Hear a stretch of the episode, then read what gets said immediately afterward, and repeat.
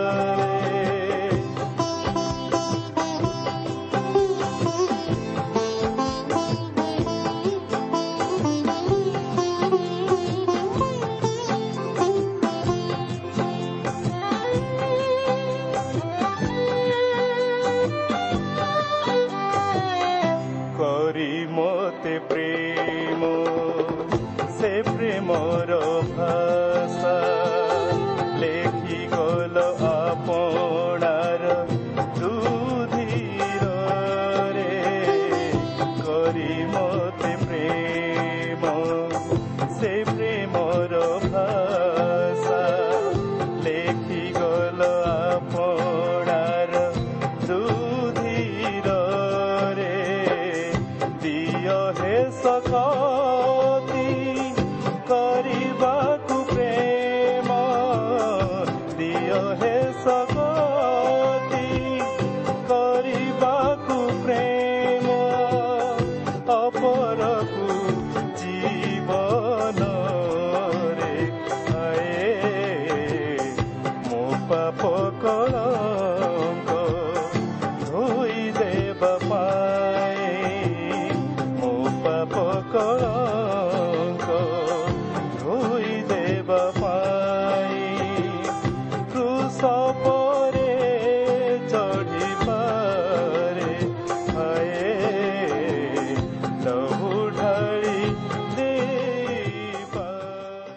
ପ୍ରିୟ ଶ୍ରୋତା ବନ୍ଧୁ ଆଜିର ଏହି ଶୁଭ ଅବସରରେ ଆମମାନଙ୍କର ସୃଷ୍ଟିକର୍ତ୍ତା ତଥା ଉଦ୍ଧାରକର୍ତ୍ତା ନିତ୍ୟ ଜୀବିତ ପ୍ରଭୁ ଯୀଶୁଖ୍ରୀଷ୍ଟଙ୍କ ବହୁମୂଲ୍ୟ ନାମରେ ଶୁଭେଚ୍ଛା ଜଣାଇ ଆଜିର ଏହି ପଥ ପ୍ରଦର୍ଶିକା କାର୍ଯ୍ୟକ୍ରମରେ ଅଂଶ ହେବା ନିମନ୍ତେ ଆପଣଙ୍କୁ ସ୍ୱାଗତ ଜଣାଏ ଆପଣ ଆପଣଙ୍କର ବହୁମୂଲ୍ୟ ସମୟ ଦେଇ ଆଜିର ଏହି କାର୍ଯ୍ୟକ୍ରମ ଶୁଣିବା ନିମନ୍ତେ ରେଡିଓ ପାଖରେ ଅପେକ୍ଷା କରି ବସିଥିବାର ଜାଣି ଆମେ ବିଶେଷ ଖୁସି କିନ୍ତୁ ଆପଣ କେଉଁ ପ୍ରକାର ପରିସ୍ଥିତି ମଧ୍ୟ ଦେଇ ଗତି କରୁଅଛନ୍ତି ତାହା ମଧ୍ୟ ମୁଁ ଜାଣେ ନା। କିନ୍ତୁ ଯଦି ଆପଣଙ୍କର ଜୀବନରେ କୌଣସି ପ୍ରକାର ଦୁଃଖ ରହିଛି ବା ସମସ୍ୟା ରହିଛି ତାହେଲେ ଭାଙ୍ଗି ପଡ଼ନ୍ତୁ ନାହିଁ।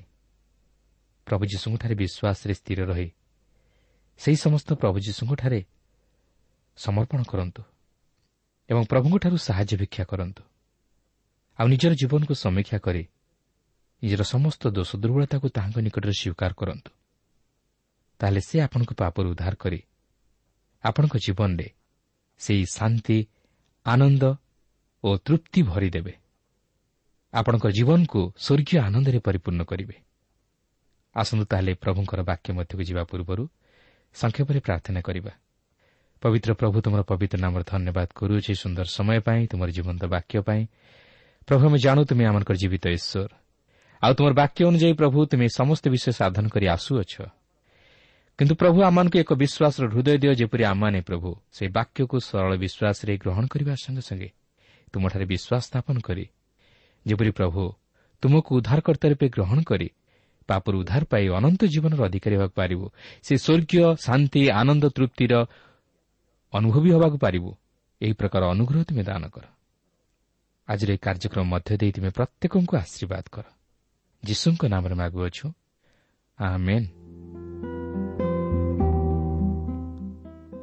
ଆସନ୍ତୁ ବର୍ତ୍ତମାନ ଆମେ ପ୍ରଭୁଙ୍କର ବାକ୍ୟ ମଧ୍ୟକୁ ଯିବା। ଆଜି ଆମେ ଯୌନ ଲିଖିତ ସୁଷମାଚାରର ଦୁଇ ପର୍ବର ତିନି ପଦରୁ ଆରମ୍ଭ କରି ତେର ପଦ ପର୍ଯ୍ୟନ୍ତ ଅଧ୍ୟୟନ କରିବା ନିମନ୍ତେ ଯିବା। ତେବେ ଏଠାରେ ମୁଁ ଆପଣଙ୍କୁ ସ୍କରଣ କରାଇଦେବା ପାଇଁ ଚାହେଁ ଯେ ଯୀଶୁ ବର୍ତ୍ତମାନ ଗାଲିର କାନା ନଗରର ବିବାହ ଉତ୍ସବରେ ଜଳକୁ ଦ୍ରାକ୍ଷାରସ କରିବା ପାଇଁ ଯାଉଅଛନ୍ତି। ଯାହାକି ତାଙ୍କର ପ୍ରଥମ ଆଶ୍ଚର୍ଯ୍ୟକର୍ମ। କିନ୍ତୁ ଜୋହନ ଏହା ଉଲ୍ଲେଖ କରିବାର କାରଣ ହେଉଛି ଯେ ଆମ୍ଭେମାନେ ଯେପରି ବିଶ୍ୱାସ କରୁ ଯେ ଯୀଶୁ ଈଶ୍ୱରଙ୍କ ପୁତ୍ର ଖ୍ରୀଷ୍ଟ ଅଟନ୍ତି ପୁଣି ବିଶ୍ୱାସ କରି ଯେପରି ଆମମାନେ ତାହାଙ୍କ ନାମରେ ଜୀବନ ପ୍ରାପ୍ତ ହେଉ ଏଥିନିମନ୍ତେ ଏହି ସମସ୍ତ ବିଷୟ ଜୋହନ ଉଲ୍ଲେଖ କରନ୍ତି। ତାହେଲେ ଆସନ୍ତୁ। ବର୍ତ୍ତମାନ ଆମେ ପବିତ୍ର ବାଇବଲ ମଧ୍ୟକୁ ଚାଲିଯିବା। ଦେଖନ୍ତୁ ଯୀଶୁ ସେହି ବିବାହ ଉତ୍ସବରେ ଜଳକୁ ଦ୍ରାକ୍ଷାରସ କରିବା ଘଟଣାରେ କ'ଣ ଘଟୁଅଛି? ଦୁଇ ପର୍ବର ତିନି ପଦରେ ଏହିପରି ଲେଖା ଅଛି। ପରେ ଦ୍ରାକ୍ଷାରସ ସରିଯିବାରୁ ଯୀଶୁଙ୍କ ମାତା ତାହାଙ୍କୁ କହିଲେ ସେମାନଙ୍କର ଦ୍ରାକ୍ଷାରସ ନାହିଁ। ଆପଣ ଜାଣିଥିବେ ଯେ ସେହି ସମୟରେ ଏହି ଦ୍ରାକ୍ଷାରସକୁ ଜିହୁଦୀମାନେ ସେମାନଙ୍କର ପ୍ରଧାନ ଖାଦ୍ୟ ରୂପେ ବା ପାନୀୟ ରୂପେ ବ୍ୟବହାର କରୁଥିଲେ। ଆଉ ବିଶେଷ କରି ଜିହୁଦୀମାନଙ୍କର ପର୍ବପର୍ବାଣୀରେ ଏହି ଦ୍ରାକ୍ଷାରସ ଅତି ଆବଶ୍ୟକ ଥିଲା। ଏହି ଦ୍ରାକ୍ଷାରସ ବିନା ସେମାନଙ୍କୁ ଆନନ୍ଦ ମିଳୁନଥିଲା। କିନ୍ତୁ ଏହାର ଅର୍ଥ ନୁହେଁ ଯେ ସେମାନେ ଦ୍ରାକ୍ଷାରସରେ ମତ୍ତ ହେଉଥିଲେ। ତାଛଡ଼ା ସେମାନେ କେବଳ ଦ୍ରାକ୍ଷାରସ ପାନ କରୁନଥିଲେ ମାତ୍ର ଏହି ଦ୍ରାକ୍ଷାରସକୁ ପାଣି ସହିତ ମିଶାଇ ପିଉଥିଲେ। ଦୁଇ ଅଂଶ ଦ୍ରାକ୍ଷାରସରେ ତିନି ଅଂଶ ପାଣି ମିଶାଇ ସେମାନେ ପାନ କରୁଥିଲେ। କାରଣ ସେହି ସ୍ଥାନର ସଂସ୍କୃତିକୁ ନେଇ ତାହା ପାନ କରିବା ଅତି ଅପରିହାର୍ଯ୍ୟ ଥିଲା। ଏଥିସହିତ ଯାଜକୀୟ ଉତ୍ସବମାନଙ୍କରେ ମଧ୍ୟ ଦ୍ରାକ୍ଷାରସ ବ୍ୟବହୃତ ହେଉଥିଲା। ତେଣୁ ଏହା ଦ୍ରାକ୍ଷାରସରେ ମତ ହେବା ବିଷୟକୁ ଦର୍ଶାଏ ନାହିଁ। ତାଛଡ଼ା ବିବାହ ଏକ ଧର୍ମ ସଂକ୍ରାନ୍ତୀୟ ଉତ୍ସବ ହେଉଥିବାରୁ ସେହି ଜିହୁଦୀ ଲୋକମାନେ ଏହାକୁ ସେହିପରି ଭାବେ ପାଳନ କରୁଥିଲେ। କିନ୍ତୁ ସେହି ବିବାହ ଉତ୍ସବରେ ସେମାନେ ଦ୍ରାକ୍ଷାରସରେ ମତ ହେଉନଥିଲେ। ଏହା ସେମାନଙ୍କର ସେହି ସମୟର ସଂସ୍କୃତି ତଥା ପ୍ରଥାକୁ ନେଇ ଏହିପରି କରୁଥିଲେ। ତେଣୁ ପ୍ରଭୁ ଯୀଶୁ ଜଳକୁ ଦ୍ରାକ୍ଷାରସରେ ପରିଣତ କରିବା ଦ୍ୱାରା କିଛି ଭୁଲ କରିନଥିଲେ। କିନ୍ତୁ ଏଠାରେ ପ୍ରଶ୍ନ ଉଠେ ଯେ ଯୀଶୁଙ୍କ ମାତା ମରିୟମ ଯୀଶୁଙ୍କୁ ତାହା ଜଣାଇବା ପଛରେ କାରଣ କ'ଣ ଥିଲା? ପ୍ରଥମ କାରଣ ଏହା ହୋଇପାରେ ଯେ ବୋଧ ହୁଏ ଏହି ପରିବାର ଅତି ଗରିବ ଥିଲେ ଓ ସେମାନଙ୍କ ପାଖରେ ପ୍ରଚୁର ଦ୍ରାକ୍ଷାରସ ନଥିଲା। ସେହି କାରଣରୁ ମରିୟମ ଯୀଶୁଙ୍କୁ ଏହିପରି କହିଥାଇ ପାରନ୍ତି। ଓ ଦ୍ୱିତୀୟ କାରଣ ଏହା ହୋଇପାରେ ଯେ ମରିୟମ ଯୀଶୁଙ୍କୁ ଏଠାରେ ଏକ ଆଶ୍ଚର୍ଯ୍ୟ କର୍ମ ସାଧନ କରିବାକୁ କହନ୍ତି ଯେପରି ସମସ୍ତଙ୍କ ସମ୍ମୁଖରେ ପ୍ରଭୁ ଯୀଶୁଙ୍କର କୁମାରୀ ଗର୍ଭରୁ ଜନ୍ମଗ୍ରହଣ କରିବା ବିଷୟ ପ୍ରମାଣିତ ହୁଏ ଓ ପ୍ରଭୁ ଯୀଶୁଙ୍କର ବାସ୍ତବତା ପ୍ରକଟିତ ହେବା ସଙ୍ଗେ ସଙ୍ଗେ ମରିୟମଙ୍କର କୁମାରୀତ୍ୱ ମଧ୍ୟ ପ୍ରମାଣିତ ହୁଏ। କାରଣ ସେହି ସମୟରେ ତାହାଙ୍କର କୁମାରୀତ୍ୱ ବିଷୟ ନେଇ ବିଭିନ୍ନ ପ୍ରକାର ପ୍ରଶ୍ନ ଉଠୁଥିଲା। ତେଣୁ ଏହା ଯେପରି ପ୍ରମାଣିତ ହୁଏ ଏଥିନିମନ୍ତେ ବୋଧ ହୁଏ ମରିୟମ ଯୀଶୁଙ୍କୁ ସେହିପରି କହିଥାଇ ପାରନ୍ତି। କିନ୍ତୁ ଯୀଶୁ ତାହାଙ୍କୁ କି ଉତ୍ତର ଦେଉଛନ୍ତି ଆସନ୍ତୁ ଦେଖିବା। ଦୁଇ ପର୍ବର ଚାରିପଦରେ ଏହିପରି ଲେଖା ଅଛି। ସେଥିରେ ଯୀଶୁ ତାହାଙ୍କୁ କହିଲେ ଗୋ ନାରୀ ତୁମ ସହିତ ମୋର କି ସମ୍ପର୍କ? ମୋର ସମୟ ଏପର୍ଯ୍ୟନ୍ତ ଉପସ୍ଥିତ ହୋଇନାହିଁ। ତେବେ ଏଠାରେ ପ୍ରଭୁ ଯୀଶୁ ତାଙ୍କର ମା'ଙ୍କୁ କହିବାକୁ ଚାହାନ୍ତି ଯେ ଏହି ସମୟରେ ନୁହେଁ। ମାତ୍ର ସମୟ ଆସୁଅଛି ମୁଁ ତୁମର ସମସ୍ତ ଅପମାନ ଦୂର କରିବି। କିନ୍ତୁ ଏଠାରେ ନୁହେଁ। ତେବେ ଏହା କେତେବେଳେ ପ୍ରମାଣିତ ହୋଇଥିଲା? ଆପଣ ଜୋହନ ଉଣେଇଶ ପର୍ବର ଛବିଶ ପଦଟି ପାଠ କଲେ ଜାଣିପାରିବେ ଯେ ପ୍ରଭୁ ଯୀଶୁ ସେହି କୃଷରେ ଥାଇ ସେହି କୃଷ ତଳେ ଠିଆ ହୋଇଥିବା ତାଙ୍କର ମାତାଙ୍କୁ ଦେଖି କହନ୍ତି ଗୋ ନାରୀ ଦେଖ ତୁମର ପୁତ୍ର। କାରଣ ସେହି ସମୟରେ ତାଙ୍କର ସମୟ ଆସି ଉପସ୍ଥିତ ହୋଇଥିଲା। କାରଣ ଆଉ ତିନି ଦିନ ମଧ୍ୟରେ ସେ ମୃତ୍ୟୁରୁ ପୁନରୁଦ୍ଧିତ ହେବାକୁ ଯାଉଅଛନ୍ତି। କାରଣ ସେ ଯେ ପ୍ରକୃତରେ ଈଶ୍ୱରଙ୍କ ପୁତ୍ର ତାହା ତାହାଙ୍କର ମୃତ୍ୟୁରୁ ପୁନରୁଦ୍ଧିତ ହେବାରେ ହିଁ ପ୍ରମାଣିତ ହେଲା। ସେଥିପାଇଁ ରୋମିଓ ପ୍ରଥମ ପର୍ବର ତିନି ଓ ଚାରିପଦରେ ଲେଖା ଅଛି ସେହି ଯୀଶୁଖ୍ରୀଷ୍ଟ ଶରୀର ସମ୍ବନ୍ଧରେ ଦାଉଦଙ୍କ ବଂଶଜାତ କିନ୍ତୁ ଧର୍ମମୟ ଆତ୍ମାଙ୍କ ସମ୍ବନ୍ଧରେ ମୃତମାନଙ୍କ ମଧ୍ୟରୁ ପୁନରୁତ୍ଥାନ ଦ୍ୱାରା ଈଶ୍ୱରଙ୍କ ପୁତ୍ର ବୋଲି ଶକ୍ତି ସହ ନିର୍ଦ୍ଦିଷ୍ଟ ହେଲେ। ତେଣୁ ଆପଣ ଦେଖନ୍ତୁ ଯେ ତାହାଙ୍କର ପୁନରୁତ୍ଥାନ ତାହାଙ୍କର ସତ୍ୟତାକୁ ପ୍ରମାଣିତ କରେ। ସେଥିପାଇଁ ସେ ତାଙ୍କର ମାତାଙ୍କୁ କହନ୍ତି ମୋର ସମୟ ଏପର୍ଯ୍ୟନ୍ତ ଉପସ୍ଥିତ ହୋଇନାହିଁ କିନ୍ତୁ ଏହି ସମୟ ଉପସ୍ଥିତ ହେଲା କେତେବେଳେ? ଯେତେବେଳେ କି ସେ ମୃତ୍ୟୁରୁ ତୃତୀୟ ଦିବସରେ ପୁନରୁଦ୍ଧିତ ହେଲେ। କାରଣ ତାହାଙ୍କର ପୁନରୁତ୍ଥାନ ହିଁ ତାହାଙ୍କର ପ୍ରମାଣ ଦିଏ ଯେ ବାସ୍ତବରେ ସେ କିଏ। ତେଣୁ ପ୍ରଭୁ ଯୀଶୁଙ୍କର କୁମାରୀ ଗର୍ଭରୁ ଜନ୍ମଗ୍ରହଣ କରିବାର ସତ୍ୟତା ତାହାଙ୍କର ମୃତ୍ୟୁରୁ ପୁନରୁତ୍ଥାନ କରିବାରେ ହିଁ ପ୍ରମାଣିତ ହେଲା। କିନ୍ତୁ ଏଠାରେ ଲକ୍ଷ୍ୟ କରିବାର ବିଷୟ ହେଉଛି ଯେ ଯୀଶୁ ତାହାଙ୍କ ମାତାଙ୍କୁ ଏହିପରି ଗୋ ନାରୀ କହି ସମ୍ବୋଧିତ କରିବା ଦ୍ୱାରା ଓ ତାହାଙ୍କ ମାତାଙ୍କୁ ଏହିପରି ଉତ୍ତର କରିବା ଦ୍ୱାରା ଜଣାଇ ଦେବାକୁ ଚାହାନ୍ତି ଯେ ମାନବିକ ଦୃଷ୍ଟିକୋଣରୁ ଯଦିଓ ସେ ତାହାଙ୍କର ପୁତ୍ର ମାତ୍ର ବାସ୍ତବରେ ସେ ହେଉଛନ୍ତି ଈଶ୍ୱରଙ୍କର ପୁତ୍ର। ତେବେ ଦେଖନ୍ତୁ ଯୀଶୁଙ୍କର ଏପରି କଥାରେ ତାହାଙ୍କର ମାତା କ'ଣ କହୁଅଛନ୍ତି? ଦୁଇ ପର୍ବର ପାଞ୍ଚ ପଦରେ ଲେଖା ଅଛି ତାହାଙ୍କ ମାତା ପରିଚାରକମାନଙ୍କୁ କହିଲେ ସେ ତୁମମାନଙ୍କୁ ଯାହା କିଛି କହନ୍ତି ତାହା କର। ମୁଁ ଭାବୁଛି ତାହାଙ୍କ ମାତା ଯୀଶୁଙ୍କର ଏପରି କଥାର ଭାବ ବୁଝିପାରିଥିଲେ। ତେଣୁକରି ସେ ଯୀଶୁଙ୍କୁ ଆଉ କୌଣସି ପ୍ରତ୍ୟୁତ୍ତର ନ ଦେଇ ତାହାଙ୍କ ଇଚ୍ଛା ଉପରେ ନିର୍ଭର କରନ୍ତି। ସେ ତାହାଙ୍କର ଇଚ୍ଛାକୁ ଗ୍ରହଣ କରିନିଅନ୍ତି ତେଣୁ ସେ ଦାସମାନଙ୍କୁ କହନ୍ତି ସେ ତୁମମାନଙ୍କୁ ଯାହା କିଛି କହନ୍ତି ତାହା କର। କାରଣ ସେ ଆମମାନଙ୍କର ଏପରି ଈଶ୍ୱର ନୁହନ୍ତି ଯେ ଆମେ ତାହାଙ୍କୁ ଯାହା କିଛି କହିବା ସେ ତାହା କରିବେ ବା ସେ ଆମର କଥାରେ ଚାଲିବେ।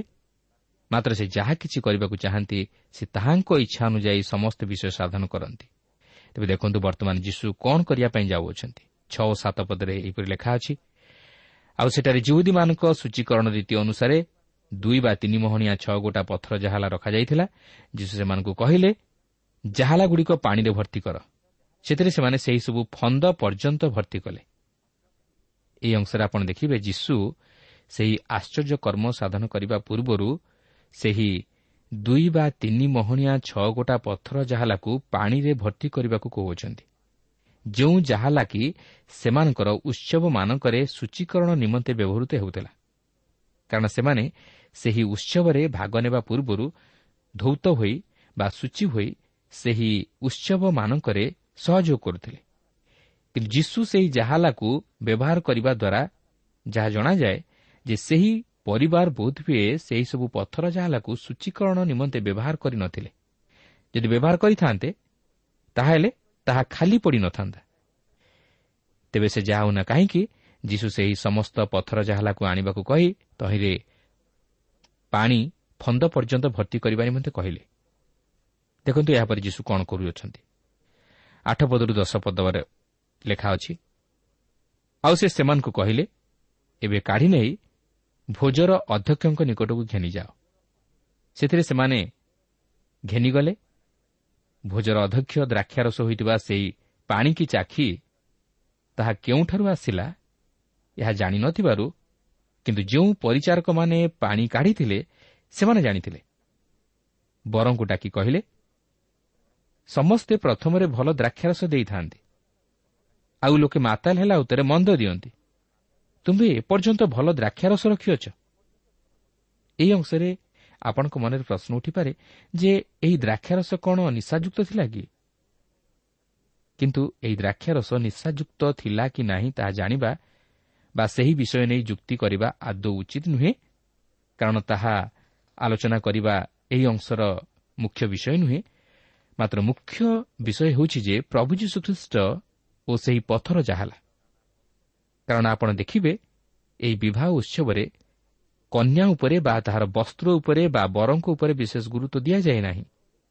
ମାତ୍ର ଯୀଶୁଙ୍କ ଉପରେ ଓ ସେହି ପଥର ଜାହାଲା ଉପରେ ବିଶେଷ ଗୁରୁତ୍ୱ ଦିଆଯାଏ। ତେଣୁ ଏଥିରୁ ଜଣାଯାଏ ଯେ ପ୍ରଭୁ ଯୀଶୁ ଏହି ଆଶ୍ଚର୍ଯ୍ୟ କର୍ମ କରିବା ଦ୍ୱାରା ଆମମାନଙ୍କୁ ଆତ୍ମିକ ଶିକ୍ଷା ଦେବା ପାଇଁ ଚାହାନ୍ତି।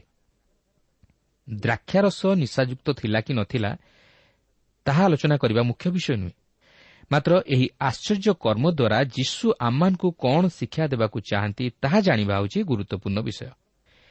ତେବେ ଏଠାରେ ଲକ୍ଷ୍ୟ କରନ୍ତୁ ଯୀଶୁ ସେହି ଖାଲି ଥିବା ପଥର ଜାହାଲାଗୁଡ଼ିକୁ ଆଣି ତହିଁରେ ପାଣି ଭର୍ତ୍ତି କରିବା ନିମନ୍ତେ କହିଲେ ଏହାପରେ ଯେତେବେଳେ ସେମାନେ ସେହି ଜାହାଲାଗୁଡ଼ିକୁ ପାଣିରେ ଭର୍ତ୍ତି କରି ତାହାପରେ ପରିବେଷଣ କରିବାକୁ ଲାଗିଲେ ମୁଁ ଭାବୁଛି ସେତେବେଳେ ସେହି ଆଶ୍ଚର୍ଯ୍ୟକର୍ମ ସାଧିତ ହେଲା।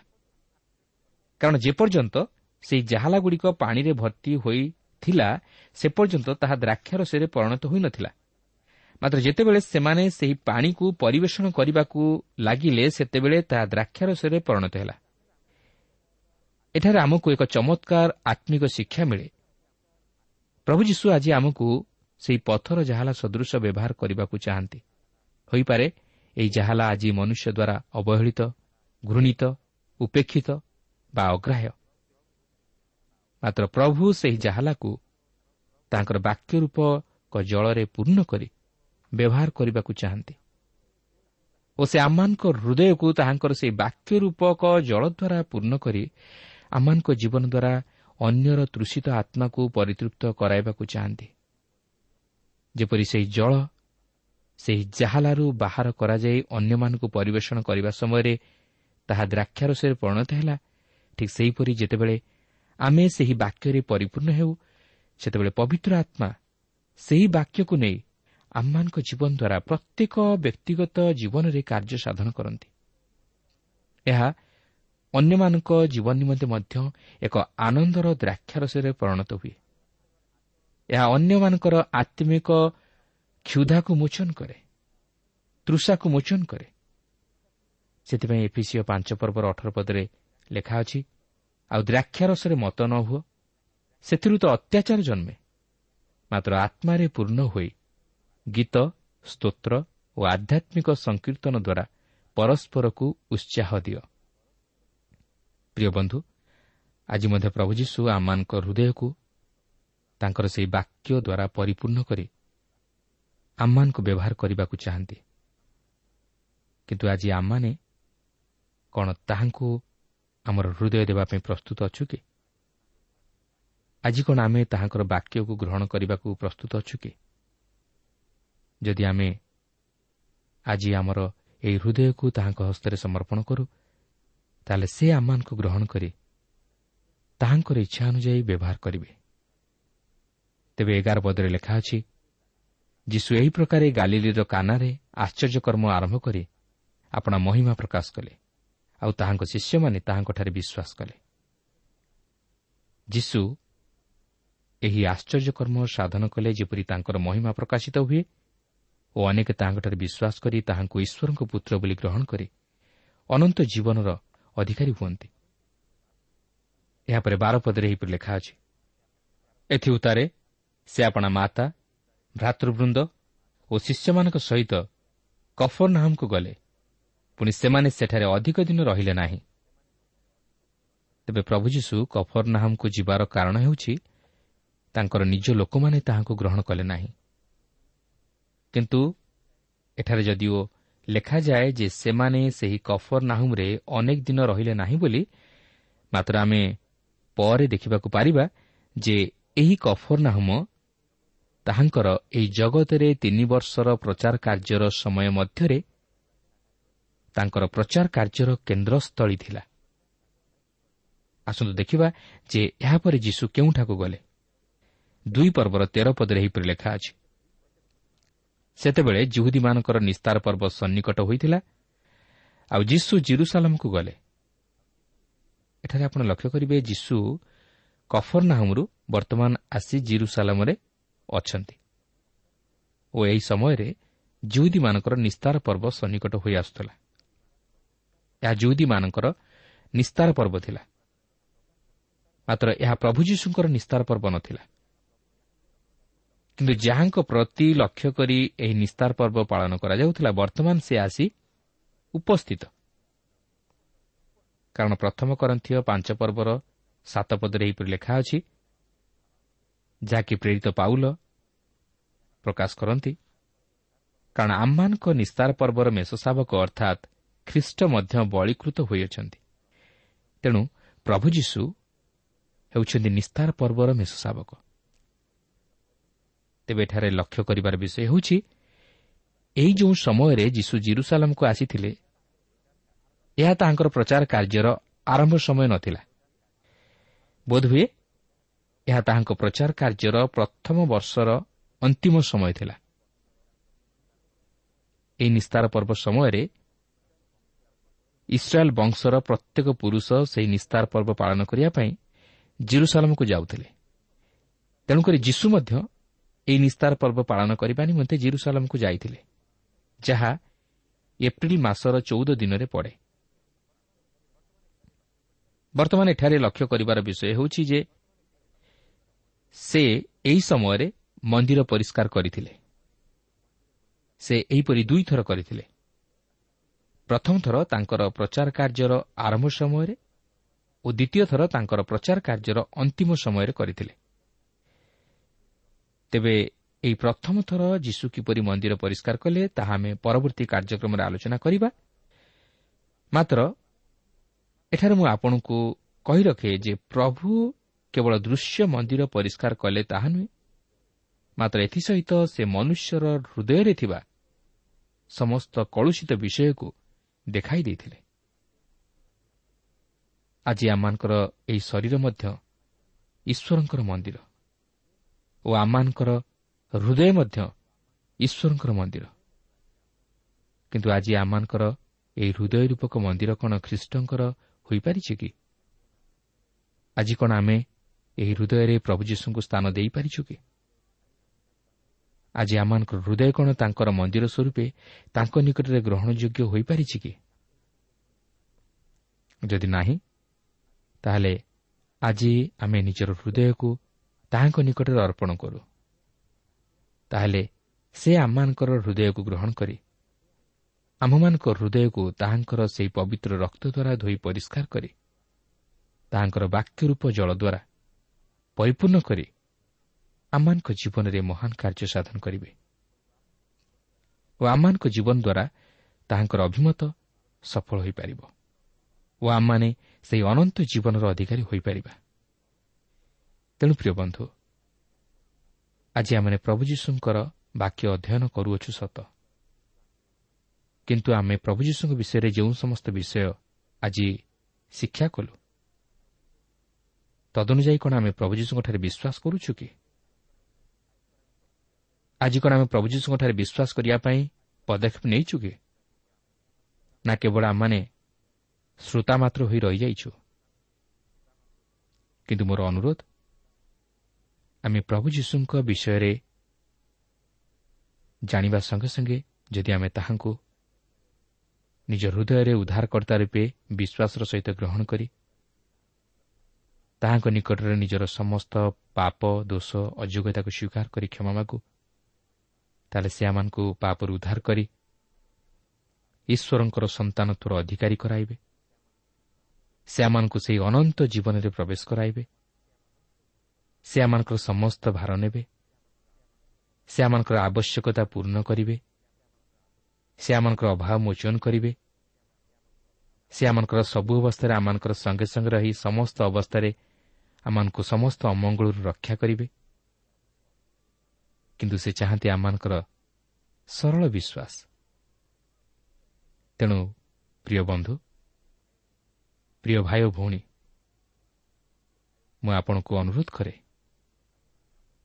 ଆପଣ ଆଜି ହିଁ ପ୍ରଭୁ ଯୀଶୁଙ୍କଠାରେ ନିଜର ଜୀବନକୁ ସମର୍ପଣ କରନ୍ତୁ ତାହାଙ୍କଠାରେ ବିଶ୍ୱାସ କରନ୍ତୁ ତାହାଙ୍କୁ ଉଦ୍ଧାରକର୍ତ୍ତା ରୂପେ ଗ୍ରହଣ କରନ୍ତୁ ତାହେଲେ ଆପଣ ଆପଣଙ୍କ ଜୀବନରେ ତାହାଙ୍କର ସେହି ଅଲୌକିକ ଶକ୍ତିର କାର୍ଯ୍ୟଗୁଡ଼ିକୁ ଦେଖିବାକୁ ପାରିବେ।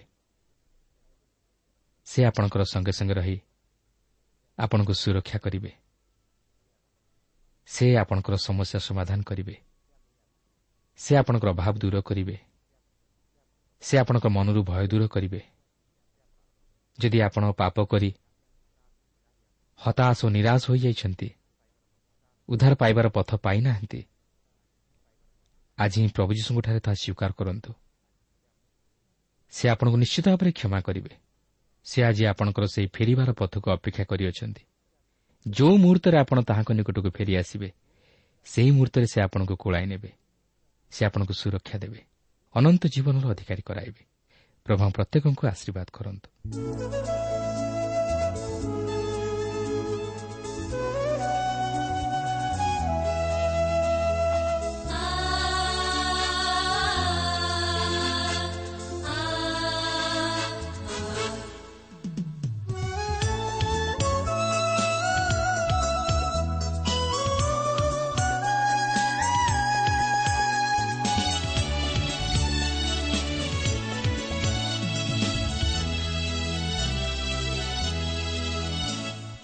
ସୁନ୍ଦର ଠିଆ ସ୍ଥାନେ କିଏ ସେହି ମହାଜନତା ସେନାପତି ଯୀଶୁ ସୋନ ସିଂହାସନେ କିଏ ସୁନ୍ଦର ଠିଆ ସ୍ଥାନେ କିଏ ସୁନ୍ଦର ଠିଆ ସ୍ଥାନେ ପ୍ରିୟ ଶ୍ରୋତା ଆପଣ ଈଶ୍ୱରଙ୍କ ବାକ୍ୟ ଶୁଣିବା ନିମନ୍ତେ ସମୟ ଦେଇଥିବାରୁ ଆମେ ଧନ୍ୟବାଦୀ ଆପଣ ଯଦି ପ୍ରଭୁ ଯୀଶୁଙ୍କର ବାକ୍ୟ ବିଷୟରେ ଓ ତାହାଙ୍କର ପ୍ରେମ ବିଷୟରେ ଅଧିକ ଜାଣିବାକୁ ଚାହାନ୍ତି ଯାହାକି ଆପଣଙ୍କୁ ପାପରୁ ଉଦ୍ଧାର ପାଇବା ନିମନ୍ତେ ପଥ ଦେଖାଇବ ତାହେଲେ ଆମ ସହିତ ପତ୍ର ମାଧ୍ୟମରେ ଅଥବା ଟେଲିଫୋନ୍ ଯୋଗେ ଯୋଗାଯୋଗ କରନ୍ତୁ।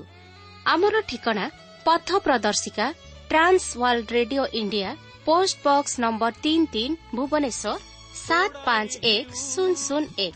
ଟେଲିଫୋନ୍ ନମ୍ବର ଶୂନ ଛଅ ସାତ ଚାରି ଦୁଇ ତିନି ଶୂନ ଶୂନ ତିନି ତିନି ପାଞ୍ଚ। ଠିକଣାଟି ଆଉଥରେ ଶୁଣନ୍ତୁ। ପଥ ପ୍ରଦର୍ଶିକା Trans World radio India post box number three three Bhubaneswar seven five one zero zero one telephone number zero six seven four two three zero zero three three five. ଆମର ଇମେଲ୍ ଆଡ୍ରେସ୍ଟି ଲେଖି ରଖନ୍ତୁ Odia TTV at radio eight eight two dot com. ତେବେ ଆଜି ପାଇଁ ଏଠାରେ ରଖୁଛୁ। ପ୍ରଭୁ ଯୀଶୁ ଆପଣଙ୍କୁ ଆଶୀର୍ବାଦ କରନ୍ତୁ। ନମସ୍କାର।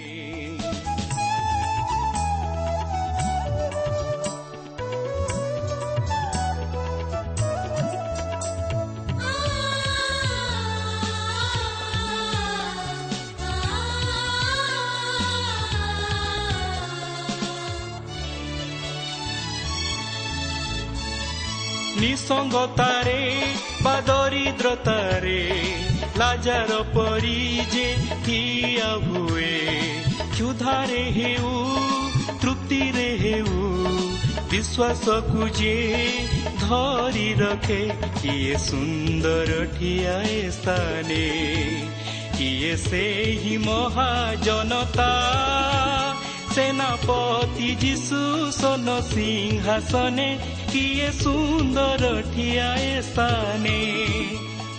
सुन्दर ठिआ